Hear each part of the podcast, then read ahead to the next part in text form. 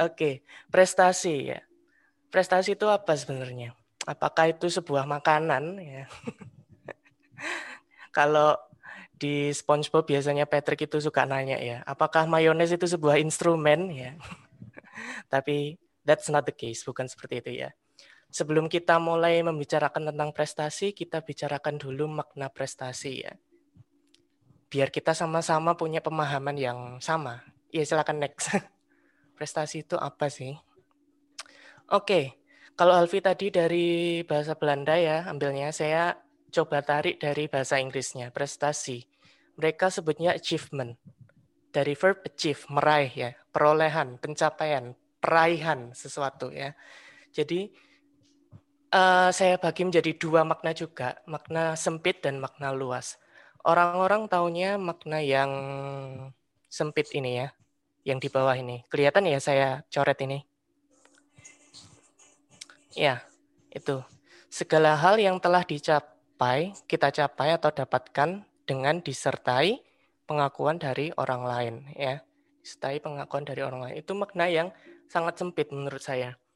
Ketika saya berprestasi, berarti saya harus diakui orang lain. Orang lain harus mengakui pencapaian saya.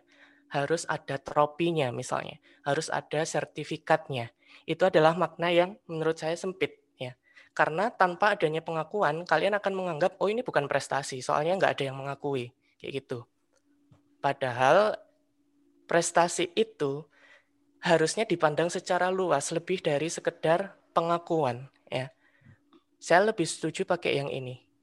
Segala hal yang telah kita capai atau dapatkan sebagai bentuk pengembangan diri. Jadi ketika kita merasa berkembang ya, ketika kita ada apa ya peningkatan dalam diri sendiri itu kita sebenarnya berprestasi. Sama seperti yang dikatakan Halvi tadi ya dikatakan mentornya itu prestasinya adalah menjadi seorang ayah. Kenapa? Karena pengembangan diri itu tadi ya. Jadi tidak memandang pengakuan dari orang lain tapi sebagai bentuk pengembangan diri. Oke?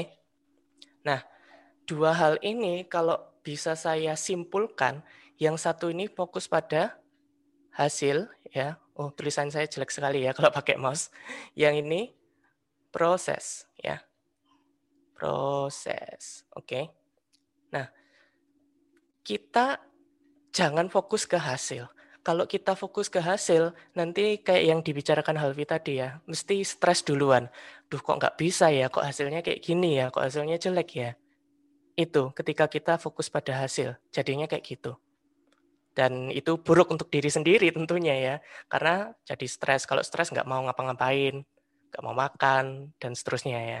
Tapi ketika kita berfokus pada proses jika hasilnya tidak sesuai dengan yang kita inginkan kita lihat prosesnya.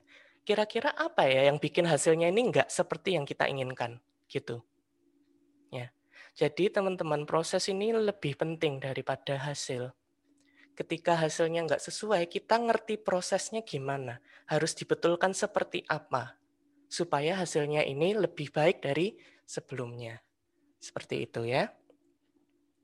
Oke, lanjut.